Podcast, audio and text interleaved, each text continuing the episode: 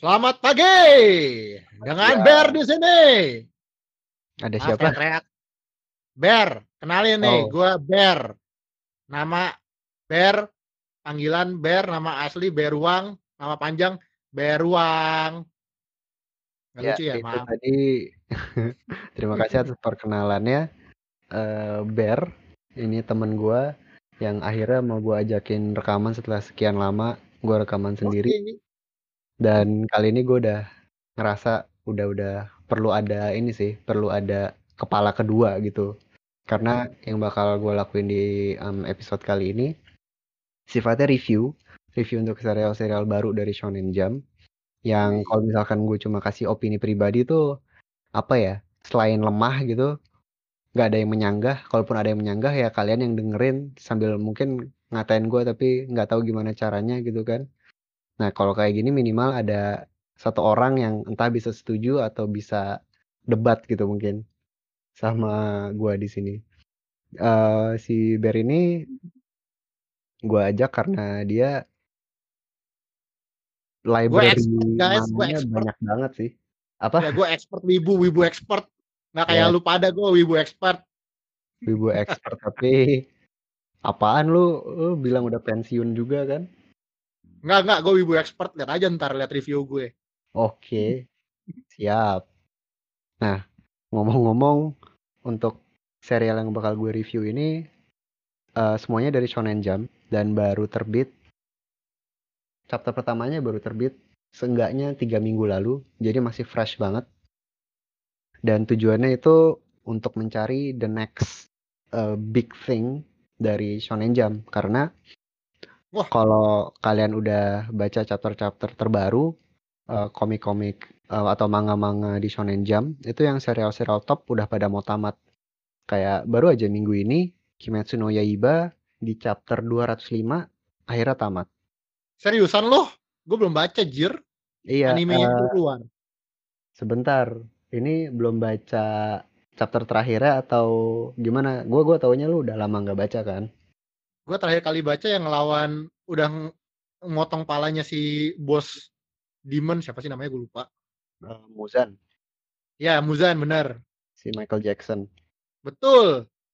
Emang tuh Motong emang kepala dia- Muzan. bukan motong pala ya. Pokoknya kalah lah sama kelompok yang si Brotot Brotot apa itu yang palanya lupa gue yang pokoknya senjatanya itu gede yang Hmm. akhirnya dikalahin sama si si itu juga kan jagoannya siapa sih namanya? Tanjidor. Ya betul si Tanjidor.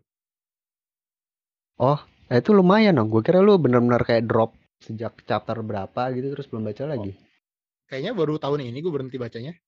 Oh. But ya anyway udah tamat dan hmm, eh, nanti spoiler ya kalau eh, tamatnya cukup menarik sih. Oke. Pastinya gue juga spoiler juga kalau ada berantem lawan Mujan.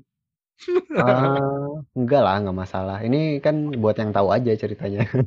Siap-siap. Terus terus apa lagi yang udah mau tamat? Terus eh, Promise Neverland itu Ya, udah Neverland. udah menurut gua mestinya bukan mestinya udah udah bau-bau mau tamat lah. Mungkin bisa aja dilanjutin tapi kalau dilanjutin jatuhnya bakal jelek sih. Gua gue Kayak yakin itu bakal tamat. Ya. Sama satu lagi tuh Haikyuu. Anjir, Karena Haikyuu udah- tamat. Cewek-cewek gimana baca Shonen Jump? The number one Fujo bait. Gua jujur loh, gua nggak nggak percaya kalau itu Fujo bait. Maksudnya kayak Kuroko tuh kan obvious ya. Eh, Yoi. dari kegantengan karakternya dan keringat-keringat itu. Haikyuu, sumpah gue Haikyuu gue gak gue nyangka kalau itu tuh Fujo bait sampai gue lihat kayak ke Twitter, terus kan ada akun apa text from Wibu. Pokoknya isinya Hmm. ya sekarang banyak kan yang akun-akun kayak gitu, text from Wibu, text from pemerintah, text from kepala sekolah, apalah. Kayak Hmm. ya banyak tuh ya fans-fans Haikyuu tuh cewek gitu kan terus isinya kayak Iya. membayangkan sama Kageyama sama siapalah semuanya di satu-satu. Ya, gue nggak baca sih, Iya, gue nggak mungkin. tahu. Terus ngaku expert whips. Sialan. ya, yang gue tahu dari Haikyuu itu au- autornya itu dulunya itu ngebikin Kiben Gakuha Yotsuya Senpai no Kaidan. Itu macam kayak detektif-detektif gitu komiknya, Cik. Cuman Oh, iya? bentar banget. Oh. Awalnya sih menurut gue bagus, cuman kaget juga waktu dulu gue SMA apa. Itu di AX kayaknya. Ya udah. Hmm.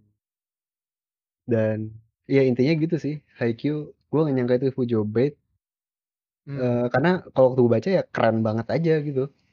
I see. Ya udah ntar gue kalau udah mau tamat baca lah. Lanjut. Berarti ini tamat-tamat udah tiga seri gitu ya lumayan udah dekat-dekat tamat. Tiga Terus seri habis dan dong. iya makanya tiga seri dan yang apa ya bisa dibilang staple dari si Shonen Jump. Maksudnya apalagi Haikyuu dibaca. Tinggal selalu ada sama satu. Ya, selalu ada satu sport kan. Terus Ya. kalau untuk Kimetsu ya shonen fighting adalah di mana-mana bisa dicomot kapan pun walaupun popularitasnya tuh tinggi banget sejak animenya keluar kan itu langsung jadi it's basically anime of the year tahun kemarin Betul, betul. terus tiba-tiba langsung tamat gitu Hmm. terus Yakusoku juga bisa dibilang yang anti mainstream kan karena Iya. genrenya survival eh, ada horornya Kayak dikit juga sebenarnya kayak Death Note zaman sekarangnya gitu ya. Yang beda Iya. sendiri gitu maksudnya. Iya yang bener-bener bener Death Note zaman sekarang yang pakai otak gitulah Ya. Oke. gitu. Nah, Berarti gimana dong Cik? Gue gak ada bacaan ntar. Kata lu yang bagus-bagus tamat. ya makanya dari itu eh, Shonen Jump juga pastinya berusaha buat melakukan regenerasi kan. Kayak Oh. mungkin kalau mundur yang jauh banget, dulu mereka ada kayak inisiasi, mereka publish 6 serial berturut-turut dalam waktu 6 minggu. Nah, Gue gak tahu sih kapan cuman itu. itu wah udah udah lama banget. Yang jelas ya, yang jelas Hmm? satu-satunya serial yang bertahan, mungkin ada dua gue lupa, tapi yang bertahan itu tinggal satu, yaitu Dr. Stone. Oh. Yang Jadi di zaman itu tuh, yang yang ngegambar tuh artis bokep kan Boci Bo, Bo, Bots Bots ya Boichi, Boichi, keren banget Boichi. gue sering baca hentainya bulan puasa pun masih juga, Ice Shield. oke oh Itu iya yang bikin tuh yang bikin cerita Ice Shield ya mm-mm. hmm, I see bagus bagus itu bagus itu udah lama banget tuh dan yang bertahan cuma satu. Terus akhirnya sekarang udah mulai ada lagi beberapa serial dan sampai akhirnya yang mau kita bahas sekarang itu ada tiga tiga serial. Yang hmm. pertama itu ada Mori King, dia komedi. Terus Bone Collection, dia ya action iya, komedi juga iya. Hmm? Terus satu lagi ada Time Paradox Ghostwriter yang bisa dibilang sci-fi sih. oke oke oke oke oke oke berarti mulainya dari Mori King ya Ya, kita mulai dari Mori hmm. King dulu soalnya dia yang paling pertama terbit lah gitu.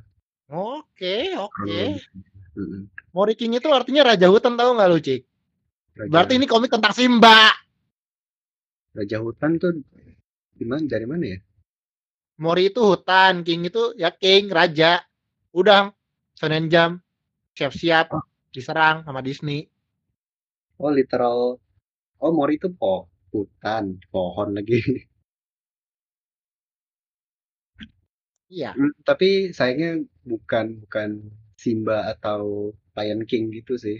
Ini Ah, beres. dia serangga atau lebih tepatnya kumbang hutan. Jadi mungkin sinopsisnya sini ada eh, anak kecil namanya Shoto. Padahal Shoto artinya anak-anak ke- anak kecil ya, bocah kecil sih? Hmm, So iya kayaknya. kan lu yang lebih jago bahasa Jepangnya. Aduh, apaan sih gue cuman whips. Gue expert whips, bukan expert Japanese language. Jadi aja ya. whips Crazy itu nggak bisa bahasa Jepang. Lo harus tahu itu whips tuh nggak ngerti Jepang, cuman suka kerja Jepangan. Aduh, jangan itu Ber, kalau nanti kita sudah besar nanti bakal diserang oleh banyak orang. Eh, ya, maksudnya itu deskripsi gue sendiri. Gue expert Oh, whips berarti ya gitu. Bukan orang lain whips tapi kayak gitu juga. oh ya benar. benar. Ya udah lanjut lanjut. Jadi Mori King ini dulu punya dulu autornya itu pernah ngebikin komik juga nggak sih, Cik? Oh iya ya, jadi eh, autornya ini namanya Tomohiro Hasegawa dan habis gue cek di eh, My Animalist, dia ternyata pernah ada serialisasi di Shonen Jump juga. Judulnya Seishun Heiki Number One dan dia bertahan uh, walaupun nggak banyak-banyak amat, lumayan sih uh, bertahan selama 70 chapter. Eh tunggu tunggu, Seishun Heiki number one. Iya, kenapa pernah pernah baca? Gua, gua, gua belum baca tuh. Sialan. Maaf makan waktunya. Lanjut lanjut lanjut lanjut. Pokoknya Oke. at least dia udah ada pengalaman gitu kan. Oke, berpengalaman. Ya, Terus? terus, tadi lanjut sinopsisnya ya lupa kan gue. Sisi pokoknya ada bocah dia dibeliin kumbang hutan cuma dari larva gitu dan kita melihat momen di mana larva itu bangkit menjadi kumbang tanduk. Mestinya gitu, Hmm. tapi ternyata dia malah berubah jadi laki-laki dewasa yang sangat tampan dan memiliki tanduk. Wajar ah. Emang aneh. Ya menurut lo lah. itu namanya metamorfosis, cik, perubahan bentuk. Wajar, wajar, wajar. nah, jadi kalau karena judulnya Mori King ini berarti si kumbang ini raja hutan atau gimana? Atau na- ternyata nama dia Mori King gitu. Si anak ini namain dia Mori King atau gimana? Tujuannya itu apa tuh? Hmm, dia dia menyebut dirinya sendiri Mori King sih emang. Hmm, jadi emang anak itu menamakan dia Mori King dan dia menyebut dirinya sendiri itu Mori King. Hmm, I see. Ya, kompak ya. dia juga bilang kalau um, dia sebenarnya di, dibuang dari hutan karena ini adalah sebuah ujian untuk seorang yang bisa dibilang jadi kandidat raja hutan. Harap bersabar. Ini ujian. Ujian dari Tuhan. Ya, lanjut lanjut. Itu outdated, outdated name biar Oke, oke. Hmm, gue udah baca juga sih. Jadi hmm, kalau gue lihat-lihat ceritanya itu lebih ke arah Boke Sukomi ya. Tau Boke Sukomi nggak lu, Cik? Sukomi Itu loh. gue tahu bokeh tapi apa Ya, kamera itu intinya- kamera intinya autofocus. Itu dua orang, satu Boke atau Sukomi gitu. Oke. Sukomi itu yang kayak yang biasanya suka bawa kipas, mukul gitu. Weh, nggak lucu gitu. Ngasih tahu yang bener ini loh gitu. Boke itu yang biasanya yang absurd-absurdnya gitu. Atau kebalik gue nggak tahu kan gue whips. Ya, intinya itulah. Hmm, Nah, ini kalau buat yang nggak tahu sih ya ada anime tuh namanya Difrak. Ya jenis-jenisnya kayak gitulah kalau suka Difrak. Menurut gue nggak selucu Difrak sih, cuman ya jenis-jenisnya kayak gitulah. Jenis-jenis ceritanya. hmm. Hmm. Dan ini emang emang ini sih uh, overall emang genrenya emang komedi gitu dengan settingan tadi yang absurd yaitu gimana kumbang tanduk yang wujudnya manusia hidup bersama manusia biasa terus ya udah Mhm. ada tinggal ciptain uh, skenario-skenario yang kocak aja. I see. Ke depannya kayaknya kira-kira gimana, Cik? Itu kan tujuannya kan raja hutan apa? Ada mungkin ada rival gitu kali ya atau apa gitu ya? Oh ya Atau ini emang bukan tujuannya jadi raja hutan? ini mild spoiler tapi menurut gua ya udah sih maksudnya uh, baru chapter 4 ini semua orang juga maksudnya kalau lu mau baca sekarang nggak nyampe setengah jam udah udah nyampe ke chapter paling baru Oke. gitu um, di, di mulai ada plotnya di chapter kedua kalau untuk menjadi raja hutan tuh tidak mudah karena ada pesaingnya ada lima orang pesaing atau ditutupnya lima serangga Orang? Oh, serangga. lima serangga pesaing di seluruh Jepang yang memperebutkan gelar raja hutan gitu Hmm. cuman Jadi udah nggak ada lagi tuh singa ya sekarang buat jadi raja hutan ya? iya Ya emang udah udah lewat udah Disney udah lewat lah ngapain sih nonton Disney lagi? Ini baca King. ya mungkin plotnya di situ bisa berjalan gimana dia bersaing dengan eh, kandidat yang lain dan apakah akhirnya si Moriking bisa jadi raja hutan walaupun dia punya status tambahan yaitu sebagai hewan peliharaannya si Shoto Oh, I see. karena Ya, oke. karena itu itu eh, bisa dibilang part yang ya charming lah walaupun cuma sedikit maksudnya dengan kepolosan si Shoto ini yang tetap ngotot kalau nggak mau lu itu eh, binatang Peliharaan peliharaan gue gitu ya. iya Hmm.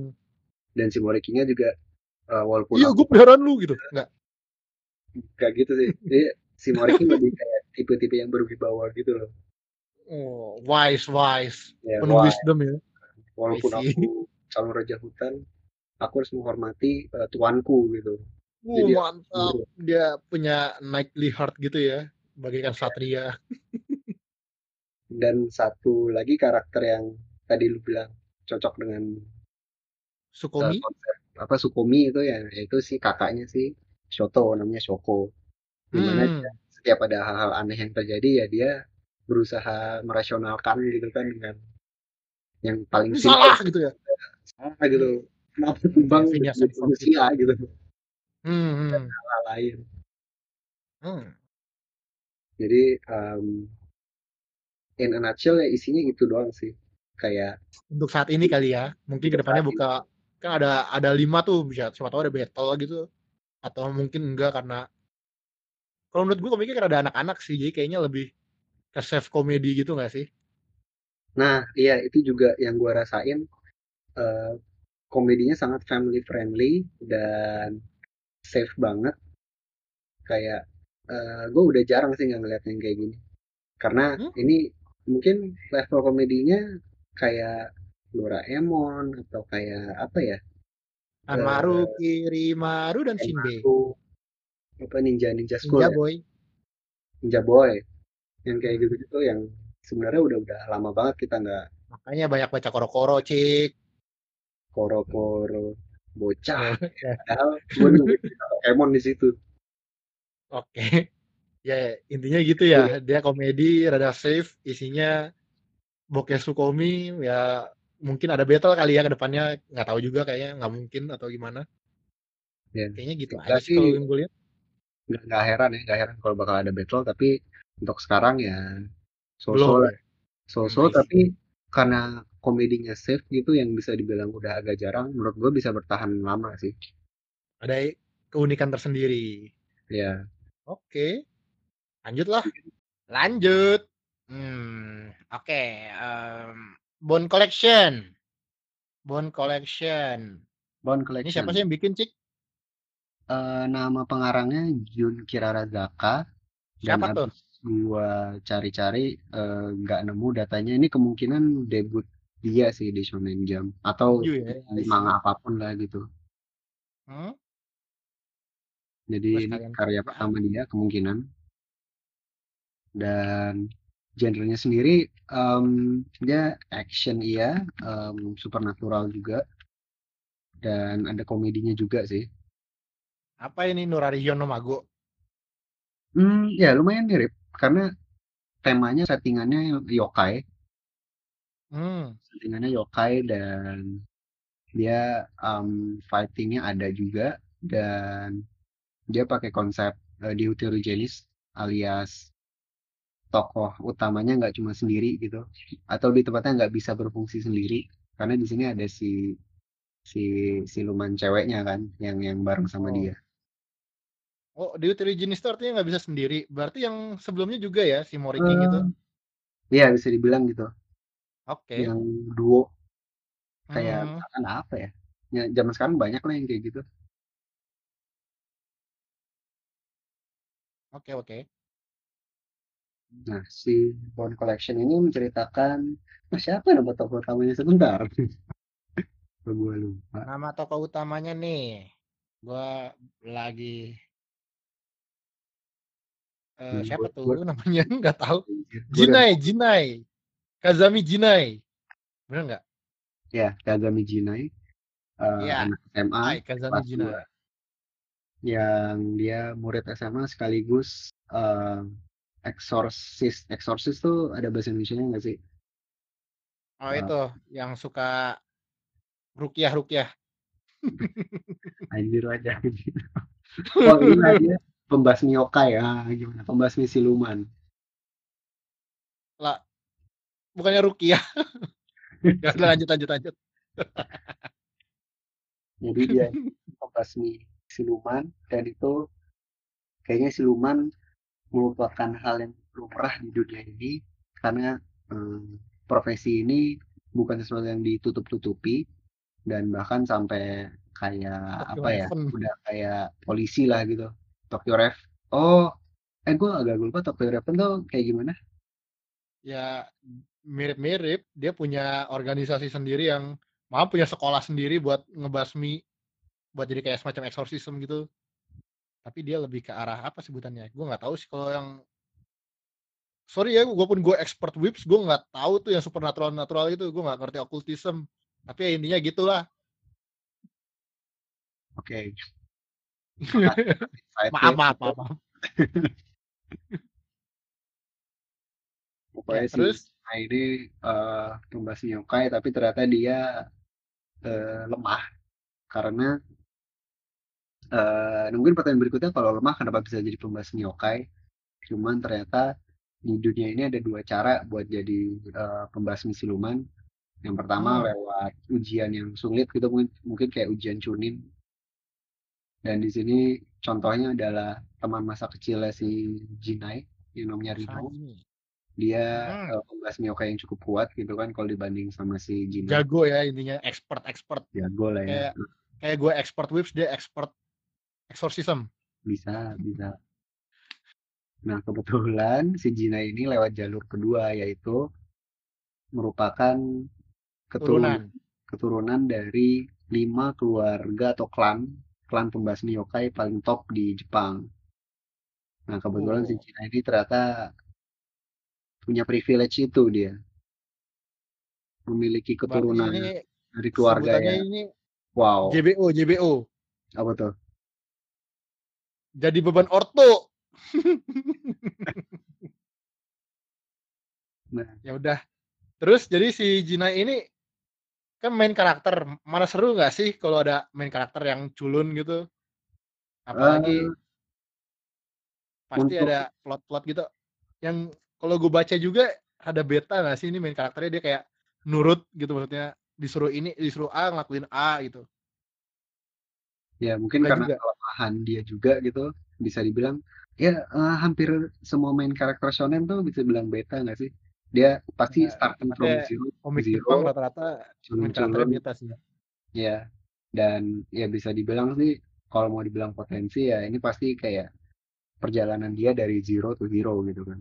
Mmm. Dengan dengan cara yang berbeda gitu karena di sini dia udah ada barrier yang cukup tinggi bahwa ternyata, eee, bokapnya dan kakaknya itu top Master. top Expert level lah expert. gitu. Pembasmi siluman level top gitu di di Jepang. Hmm, powerful ya. Iya. Oke. Dan ternyata, eee, dia nggak ada bakat tapi kayaknya masih di-support sama ayahnya dan si temennya si Rino juga, eee, baik sama dia gitu kan, ya tipikal, eee, childhood friend gitu kan.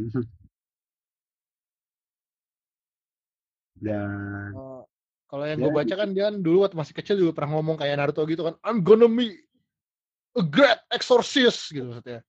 Apakah dia ada keinginan untuk jadi great exorcist juga gitu kayak bokap sama kakaknya? Ya mungkin Atau dia ngiri gitu terinspirasi Rino gitu, benci? Enggak ya?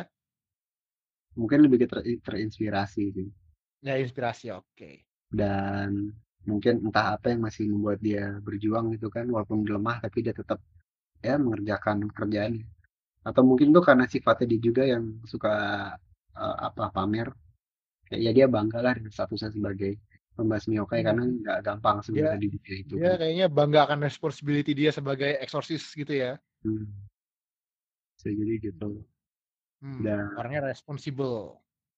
Emang sih kalau gue baca emang main karakternya tuh selain beta tapi responsible juga. Dia kayak bertanggung jawab lah dengan keputusan dia.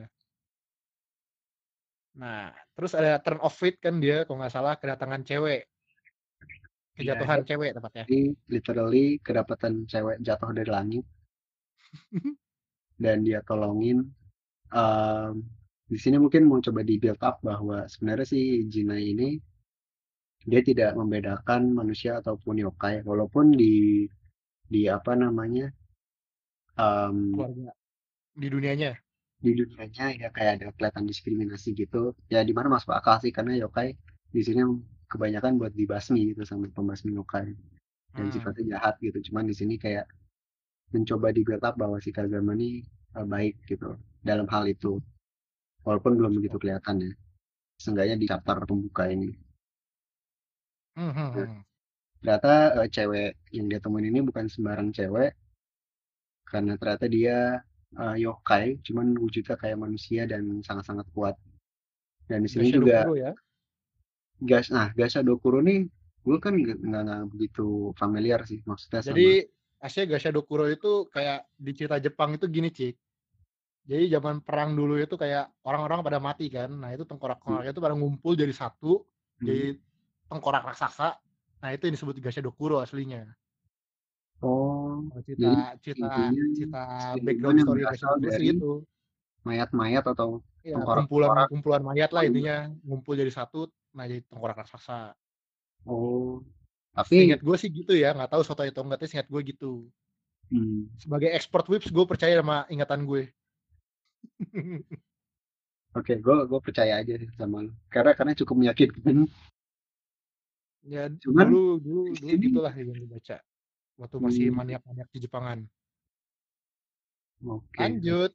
Ternyata si cewek ini ya yang lu bilang tadi Gashadokuro dan di dunia Hmm, di serial ini Gashadokuro tuh yokai yang level sangat-sangat tinggi, ya. levelnya triple S bisa dibilang. Nah, ditambah kalau ada satu kan lu bilang ini ceritanya komedi ya, tapi yang gue tangkep dari omongan lu dari tadi itu kayaknya lebih ke arah action, battle gitu. Komedinya di mana, Cik? hmm, mungkin lebih ke ini sih settingan di awal gitu kan bahwa dia sifatnya suka eh, cari cewek dan dia suka pamer kalau dia itu eh, pembasmi yokai. Sorciers gitu ya. Tapi Hmm. eh, nanti lebih dieksplor di chapter berikutnya sih bahwa ada atau lebih tepatnya mungkin si penulisnya mau mencoba menambahkan unsur komedi lebih banyak lagi di di serial ini gitu. Tapi ada Hmm, iya banyak sih. hal-hal random gitu. Chapter chapter awalnya beneran gue nggak berasa ada komedi ya, bener banget. Tapi Hmm, pas chapter 2 ya pasti baca, what the fuck gitu kan. Ini iya apa sih? Ada berubah gitu jadi arahnya ya. Iya berubah banget, Hmm, berubah ya. banget dan tapi masih fine sih maksudnya Ya, ya, masih em, masuk gitu ya. masih masuk lah. Cuman Hmm. kita lihat aja nanti sampai 10 chapter masih kayak gitu apa gimana. Ya, cuma yang rada apa? Cuman bedanya sama Moriking itu kalau di Moriking itu komedinya kayak safe banget. Sementara di sini itu menurut gue komedinya rada dewasa nggak sih? Hmm, ya itu obvious Kayak karena mulai-mulai kayak fetish atau apa gitu.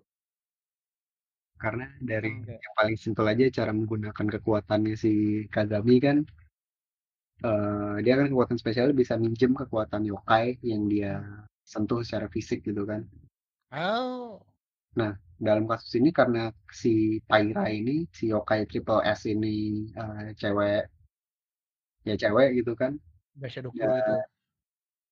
Akhirnya kalau buat mengaktifkan kekuatannya ya dia mesti eh, Grepe-grepe. grepe dikit gitu kan, grepe-grepe. Terus tergantung dari tulang apa yang dia ambil nanti Ambil. senjatanya bakal beda-beda. Terus Jadi, karena dia bisa pakai kekuatan yokai itu berarti dia jadi kuat banget gitu ya, Cik ya?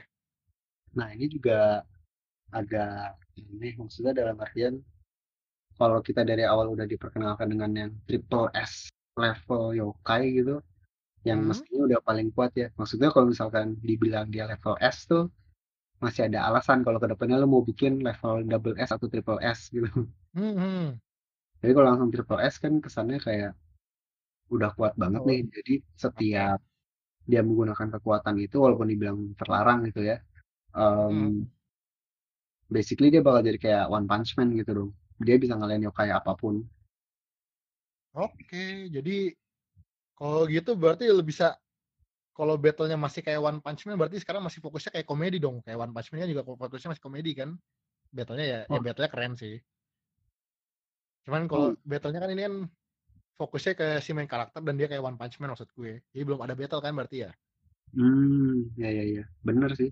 Awalnya gue sempat Hmm. mikir kayak karena ini forbidden spell dan kayak dia udah dibilang kalau konsekuensinya bisa sampai di dihukum mati gitu kan karena lukanya kuat banget. Gue pikir kayak dia bakal main sembunyi-sembunyi gitu tiap mau pakai kekuatan nggak boleh ada yang tahu. Hmm. Cuman jadi kayak pahlawan apa ya istilahnya pahlawan yang tanpa tanda jasa gitu loh. Oh, day tapi dia nggak boleh ketahuan kan. Soalnya kalau ketahuan nanti malah di- ditangkap. I see. Sampai akhirnya si chapter 2 ke chapter 3 keluar di mana belum apa-apa eh, kakaknya udah tahu tentang kekuatan ini. Iya, ya tuh menurut gue emang rada rush gak sih ini ceritanya? Menurut gue rada rush sih terlalu terlalu ngebut rada ngebut bener. Ya dan jadi agak ngebut dan em, sebenarnya ini bisa jadi potensi yang lumayan sih. Maksudnya uh, gue yakin sih bakal ada era di mana kalau emang nanti bisa berjalan panjang di mana si Pairanya ini bakal cabut balik ke dunia yokai terus si Kazamanya sendirian yang artinya dia udah gak punya kekuatan itu lagi. Terus entah gimana dia harus build up power dari nol gitu. Hmm. tapi kalau menurut gue dia skillnya itu masih bisa dieksplor sih Cik. Jadi di chapter kedua itu seingat gue ya si Gasha Dokuro tuh yang cewek itu dia ngesummon summon yokai terbang apa sih namanya tuh?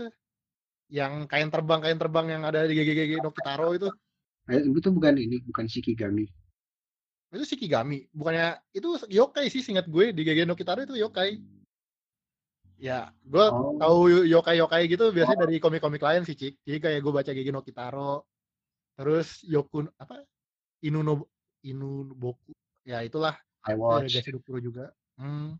Nurarion bagusnya Cuman itu nah ya? itu di chapter 2 itu singkat gue itu yokai sih singkat gue di Gege no Kitaro oh iya gue itu dipakai buat terbang juga Gege no Kitaro hmm.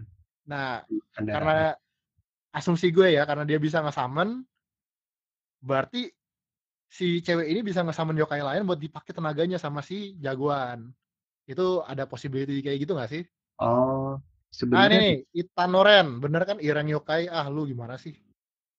Gue lagi baca. Sebenarnya, sebenarnya bisa, tapi harus Sa ya, ngapain juga ya? Ngapain juga gitu kan si cewek ini udah S. Karakter. Hmm. Kayak si ya dan itu juga orang udah ada triple S.